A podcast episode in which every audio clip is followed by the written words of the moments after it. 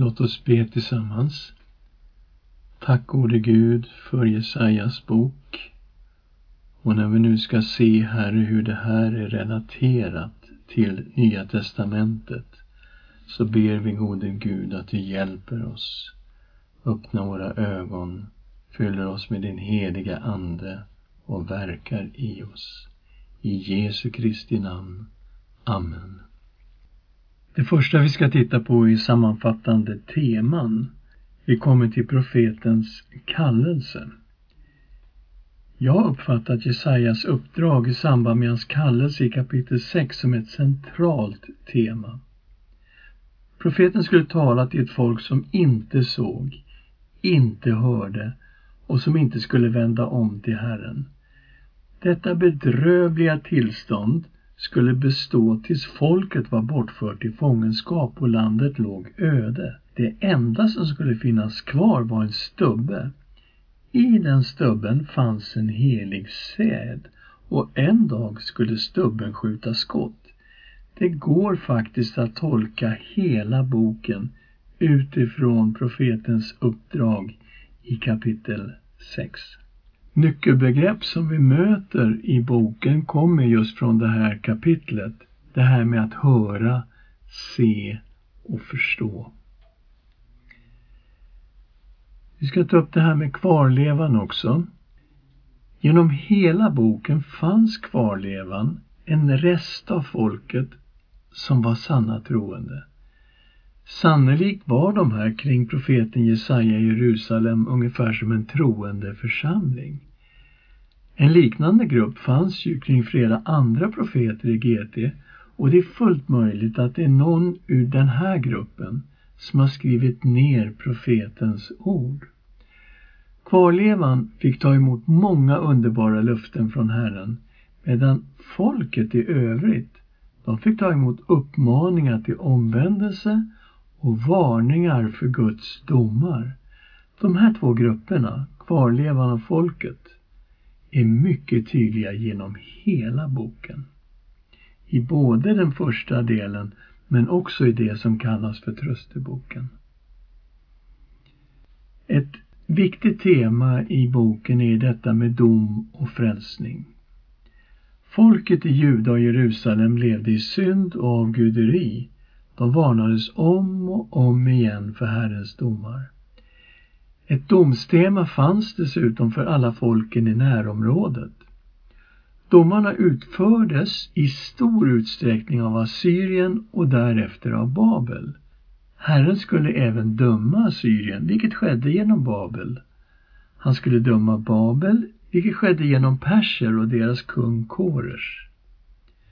Gud kallade Juda och Jerusalem till omvändelse ett antal gånger. Det fanns en reell möjlighet till förlåtelse och frälsning och inte minst alla löften till kvarlevan bekräftar detta. På några ställen i boken fanns ett domstema över alla folk, men även möjlighet till frälsning för dem. Herrens tjänare hade en central roll för Israels och världens frälsning i den andra halvan av Jesajas bok. Gud kom med underbara löften om räddning.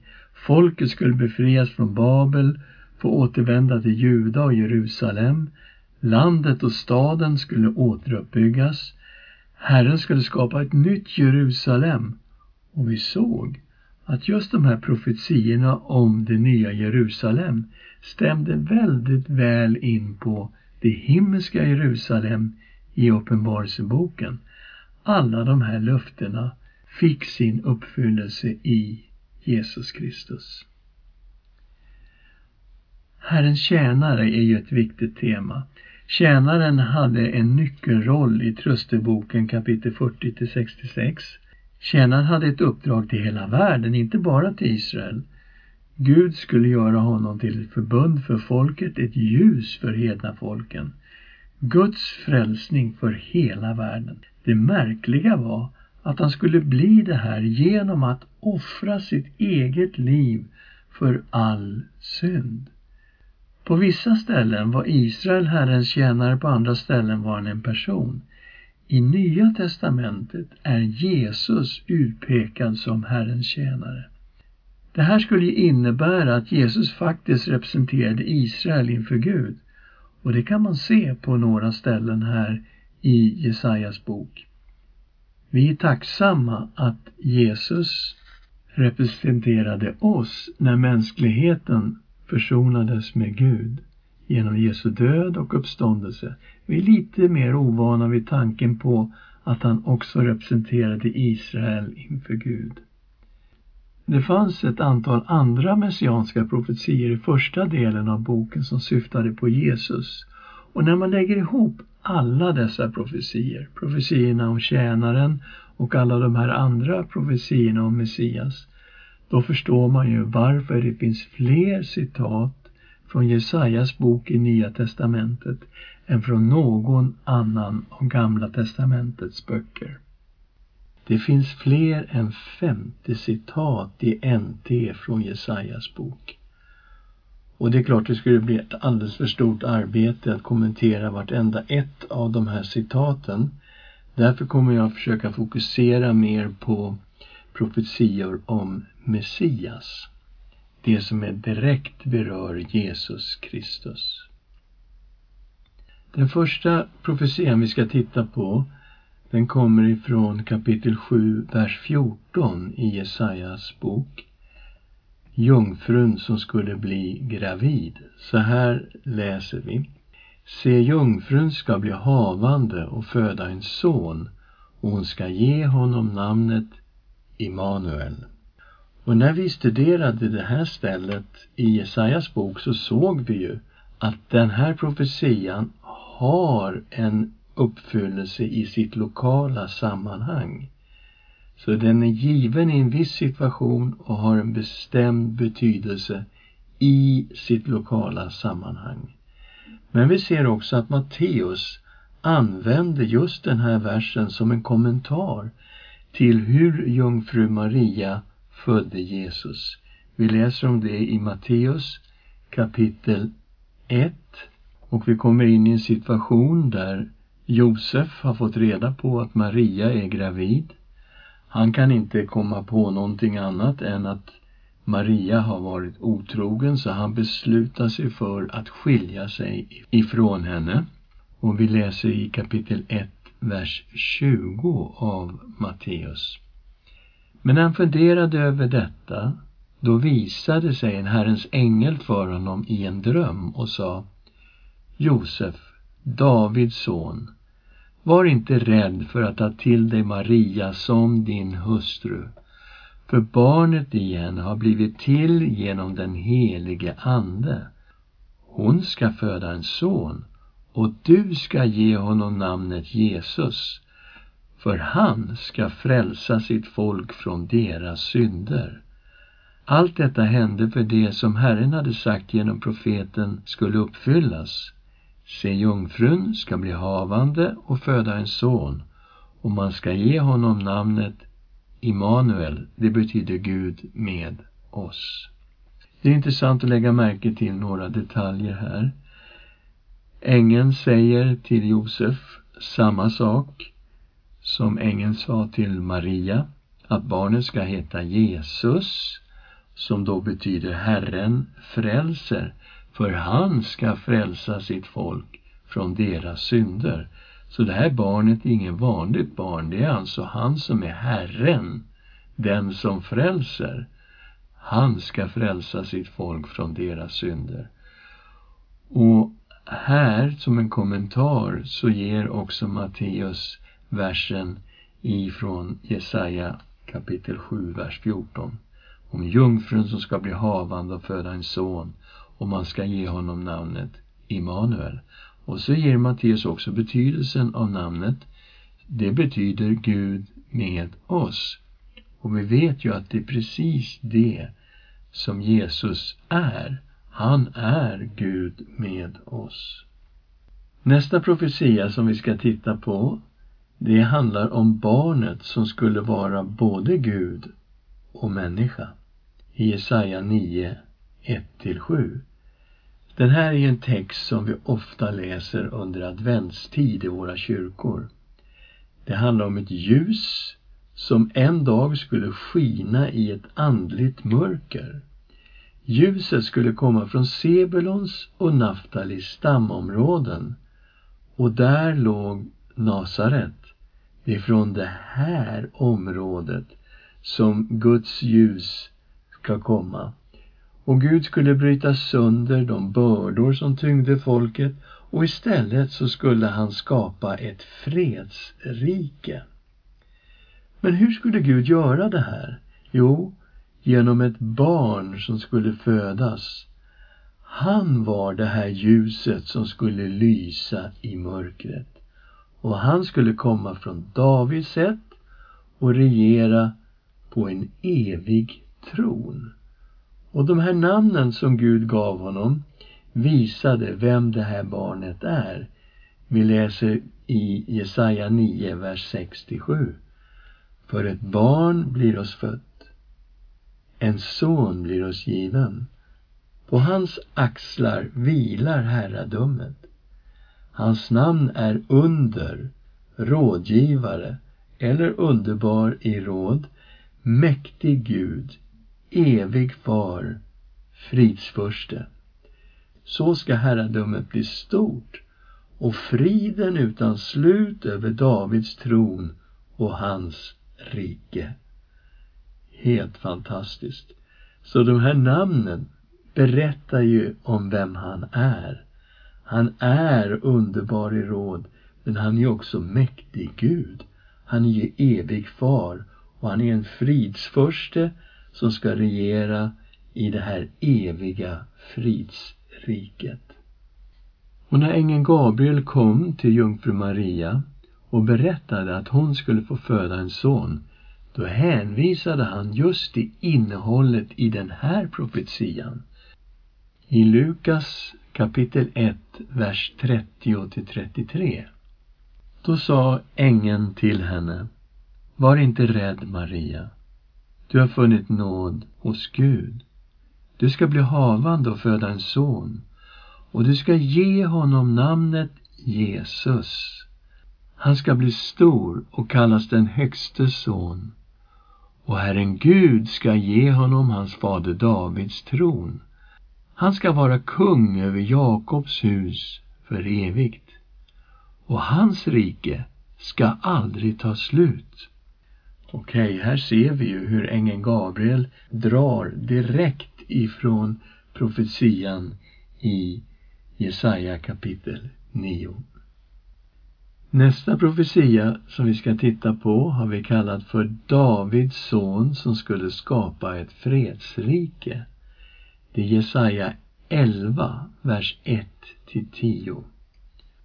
Gud hade ju lovat David att en son till honom skulle sitta på en evig tron och det här var någonting som Gud sa till David genom profeten Natan och vi läser om det här i Andra Samuelsboken kapitel 7, vers 16.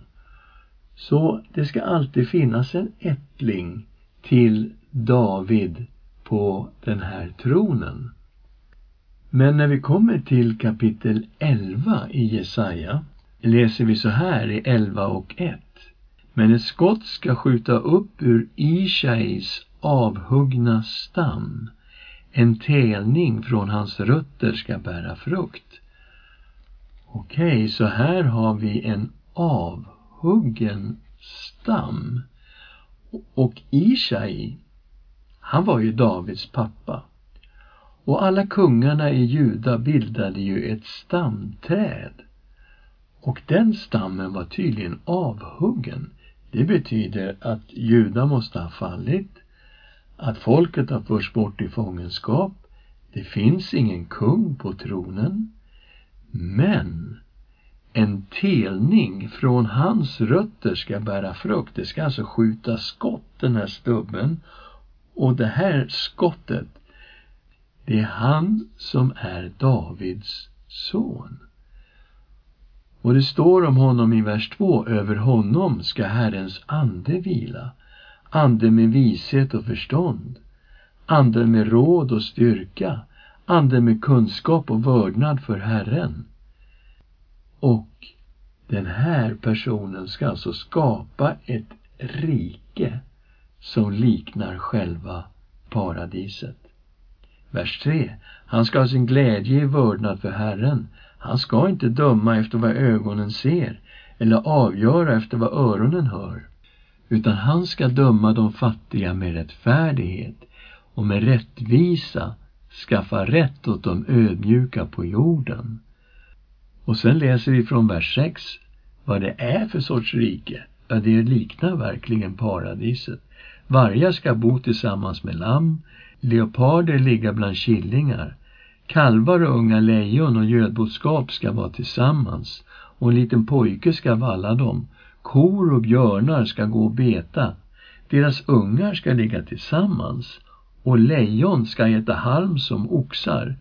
Ett spädbarn ska leka vid huggormens håla, ett avvant barn räcka ut handen mot giftormens öga. Ingenstans på mitt heliga berg ska man göra något ont eller förstöra något, för landet ska vara fullt av Herrens kunskap, liksom vattnet täcker havet. Och hur blir det då med hedningarna? Får vi vara med? Vers 10. Det ska ske på den dagen att hednafolken ska söka Ishais rot där han står som ett baner för folken och hans boning ska vara härlig. Och det är flera begrepp i Nya testamentet som kommer ut ur den här texten. I Uppenbarelseboken är Jesus representerad av ett lamm som har blivit slaktat. Och lammets sju ögon är Guds sju andar, står det i Uppenbarelseboken 5 och 6. Och hela det här begreppet av Guds sju andar kommer ju från den här texten i Jesaja 11 och 2. Om vi räknar med Herrens ande, då får vi ju sju egenskaper. Över honom ska Herrens ande vila, ande med vishet och förstånd, ande med råd och styrka, ande med kunskap och vördnad för Herren. Så hela det här begreppet med Guds sju andar som vi möter i Uppenbarelseboken som representerar den heliga Ande i den boken, hela det begreppet kommer ju härifrån. Jesaja 11 och 2. Paulus talar om Jesus som Ishais rot och att folken ska sätta sitt hopp till honom. Det är ett citat han har i Romarbrevet kapitel 15, vers 12. Och jag kopplar naturligtvis ihop den eviga kungen vi just läste om i kapitel 9 med Ishais rotskott här i kapitel 11. Jag tror att både nian och elvan handlar om samma person, nämligen Messias, Jesus Kristus. Vi ska gå till tjänareavsnitten som ibland kallas för tjänaresångerna. Det är fyra stycken sådana avsnitt i Jesaja. De finns i den sista delen av Jesajas bok. Och den första av de här texterna hittar vi i kapitel 42, vers 1-7. Herrens tjänare var ett ljus för folken. Guds ande skulle ge kraft åt Herrens tjänare så att han kunde utföra sitt uppdrag. Vi ser händelserna här kring Jesu dop framför oss när Fadern talade till sin älskade son och anden kom ner över Jesus. Vi ska läsa i Lukas kapitel 3, vers 21 och 22. När nu allt folket döptes blev även Jesus döpt. Medan han bad öppnades himlen och den helige Ande sänkte sig över honom i fysisk gestalt som en duva. Och från himlen kom en röst. Du är min älskade son. I dig har jag min glädje. Och vi ser en direkt parallell till vad vi har i Isaia kapitel 42, vers 1. Se min tjänare som jag stöder, min utvalde, som min själ gläder sig över. Jag har sänt min ande över honom. Han ska utbreda rätten bland hedna folken. Så vi ser här att han var ju sänd till hedna folken. Vi ser också att Guds ande skulle komma över honom och att Gud hade sitt behag, sin glädje i honom. Och tjänarens kraft skulle vara oemotståndlig. Samtidigt skulle han vara väldigt varsam. I kapitel 42, vers 3 och 4 läser vi Ett brutet strå ska han inte krossa. En tynande veke ska han inte släcka. Han ska i trofasthet utbreda rätten. Han ska inte försvagas eller brytas ner förrän han har grundat rätten på jorden. Havsländerna väntar på hans undervisning. Och vi ser den här varsamheten med det brutna strået som man inte ska krossa. En tynande veke som man inte släcker. Men han har ju en sån enorm kraft. Han ska inte försvagas eller brytas ner förrän han har grundat rätten på jorden. Så varsam, så kraftfull. Och Matteus, han citerar ju hela den här texten i Matteus 12, 18-21. Och Matteus riktar ju texten direkt på Jesus Kristus. Och här möter vi i Jesaja 42 hur Gud talar också direkt till tjänaren och tjänaren fick veta att han skulle bli ett förbund för folket. Och det nya förbundet som vi möter då flera gånger här i Jesajas bok och väldigt detaljerat i Jeremia kapitel 31. Det här förbundet, det kom ju genom Jesus Kristus. När Jesus instiftade nattvarden i Markus 14, 22-24 så står det så här. Medan de åt tog Jesus ett bröd, tackade Gud, bröt det och gav åt dem och sa Ta detta, det är min kropp. Och han tog en bägare, tackade Gud och gav åt dem, och de drack alla ur den. Och han sa till dem, Detta är mitt blod, förbundsblodet, som blir utgjutet för många. Och han talade naturligtvis om sitt offer på korset, som låg bara några timmar framåt i tiden. Och i gamla tider, när man instiftade ett förbund, så fanns det ett förbundsoffer. Och när man hade offrat förbundsoffret, då innebar det att alla villkoren och löftena i förbundet, de var nu uppfyllda. Och så är det med det nya förbundet i Jesus Kristus. Tjänaren fick ju veta att han skulle vara ett ljus för hedna folken. Att han skulle öppna blindas ögon. Han skulle befria de som satt fångna i mörker och att hans ljus skulle skina rakt in i hedningarnas mörker. Och vi hör ett återklang från den messianska profetian som vi nyligen har läst i kapitel 9 om ljuset som ska komma ifrån Sebulons och Naftalis stamområde där Nasaret fanns. Och Petrus bekräftar också i sin tempelpredikan att Jesus är Herrens tjänare i Apostlagärningarna 3 och 13 och Apostlagärningarna 3 och 26. Nästa text som vi ska titta på Herrens tjänare var Guds frälsning för alla folk 49, 1-13. Tjänaren fick veta att han inte bara skulle upprätta Israel. Han skulle också bli Guds frälsning för alla folk. Gud säger så här till sin tjänare. Det är för lite att du bara är min tjänare som upprättar Jakobs stammar och för tillbaka de bevarade av Israel. Jag ska sätta dig till ett ljus för hedna folken för att du ska bli min frälsning ända till jordens yttersta gräns. Och när vi kommer till Nya testamentet så möter vi den gamle Simeon.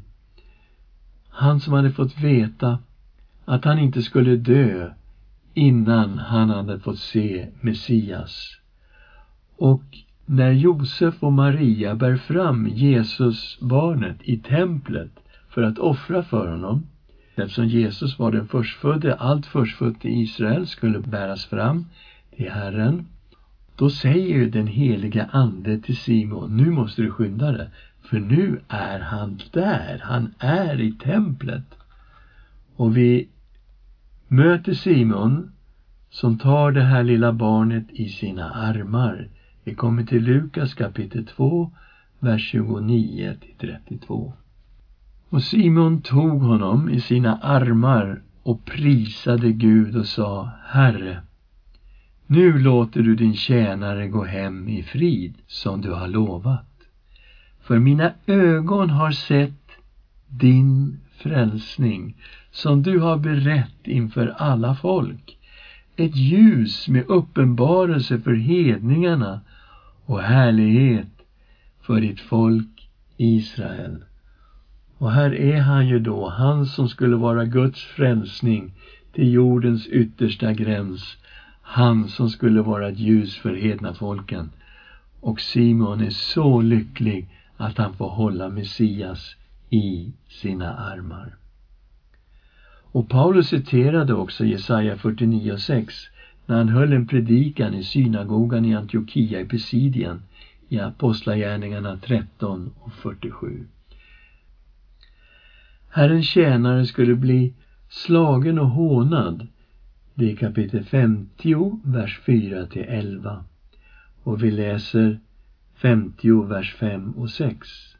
Herren Gud har öppnat mitt öra.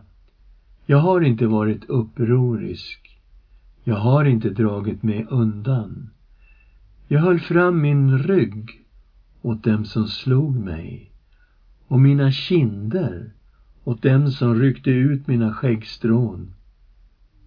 Jag dolde inte mitt ansikte för hån och spott. Och det är framför allt i evangelierna, när Jesus går in i sitt lidande, så vi ser den här typen av förföljelse av Jesus. Och den fjärde texten, Herrens tjänare som skulle offra sitt liv Jesaja 52, 13 till 53 och 12. Och det här är en text som på så många sätt genomsyrar Nya testamentet. Vi läser vers 4 till 6. Men det var våra sjukdomar han bar, våra smärtor tog han på sig, medan vi såg honom som hemsökt, slagen av Gud och pinad. Han blev genomborrad för våra brott, slagen för våra synder. Straffet blev lagt på honom för att vi skulle få frid och genom hans sår är vi helade. Vi gick alla vilse som får. Var och en gick sin egen väg. Men all vår skuld la Herren på honom. Det här är ju en text som på så många sätt genomsyrar betydelsen av Jesus offer i Nya testamentet. Olika delar av det här avsnittet är citerat i Nya testamentet. Petrus gjorde en sorts utläggning av den här texten och han lät den förstås syfta på Jesus. Vi möter den i första Petrusbrevet kapitel 2, vers 21-25. Och här undervisar Petrus om situationen för slavar. Och han uppmanar dem att underordna sig sina herrar och även sådana herrar som inte är goda utan är hårda. Och han säger i 2.19 i första Petrusbrevet det är nåd när någon är medveten om Gud och därför håller ut när han får lida oskyldigt. Vad är det värt för beröm att stå ut med straff när ni syndar? Men om ni står ut med att lida när ni gör det goda, då är det en nåd från Gud. Och så kommer vi till den här texten i vers 21. Till detta är ni kallade, Kristus led i ert ställe och efterlämnade ett exempel åt er för att ni ska följa hans fotspår.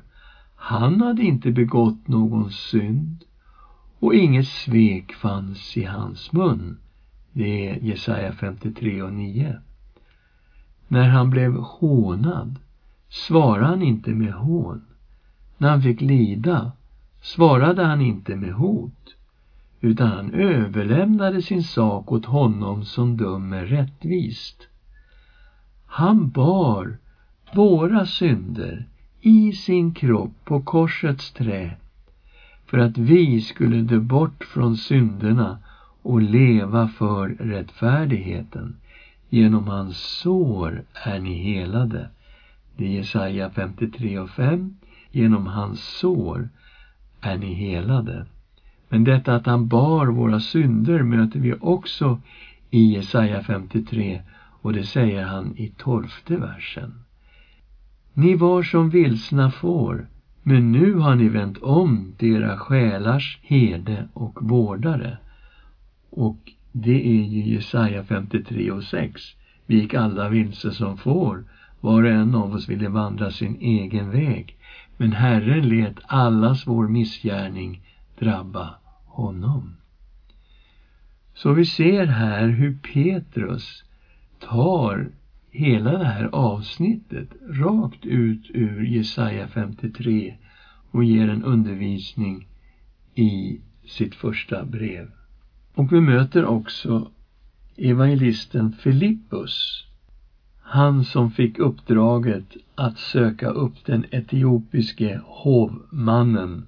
Han får reda på av Herrens ängel att han ska gå till en väg som går mellan Jerusalem och Gaza och det står den är öde, men okej, okay, han går dit ändå för Herren har sagt det till honom. Och då kommer en etiopisk hovman och han ber Filippus att sätta sig upp i vagnen och han sitter alltså och läser ifrån Jesajas bok kapitel 53. Och Filippus frågar honom Förstår du vad du läser? Ja, hur ska jag kunna det? Alltså det finns ju ingen som förklarar det här för mig. Så står det att han läste ifrån Jesaja kapitel 53 som ett får som förs bort till slakt, som ett lamm som är tyst inför den som klipper det, så öppnar han inte sin mun. Genom hans förnedring blev hans dom upphävd. Vem kan räkna hans släkte eftersom hans liv rycks bort från jorden. Hovmannen sa till Filippus Jag vill fråga dig vem profeten talar om. Om sig själv eller någon annan. Då började Filippus tala utifrån det skriftstället och förklara evangeliet om Jesus för honom. Så Filippus förklarade evangeliet om Jesus för den etiopiske hovmannen just utifrån den här texten. Och naturligtvis kommer vi till Messias uppdrag i kapitel 61, vers 1-3. Det här är ju den text som Jesus läste i synagogan i Nasaret.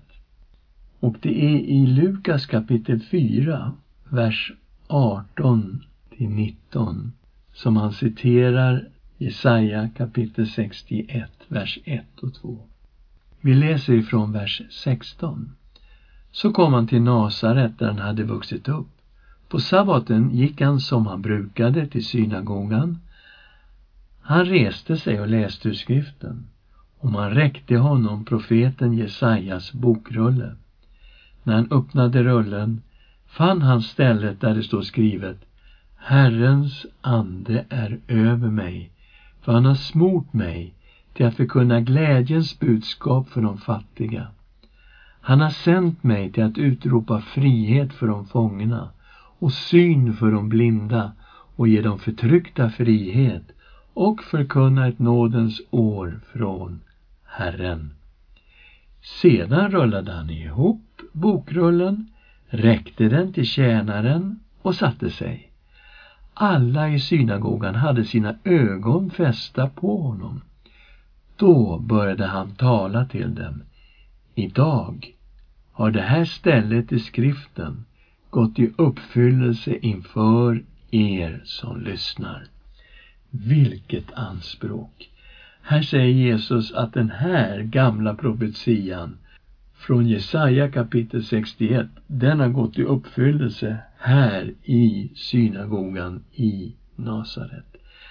Herrens ande är över mig och vi vet ju att anden kom över Kristus i samband med hans dop. I Jesaja kapitel 42, vers 1 läste vi om Herrens tjänare att Herren skulle låta sin ande komma över honom.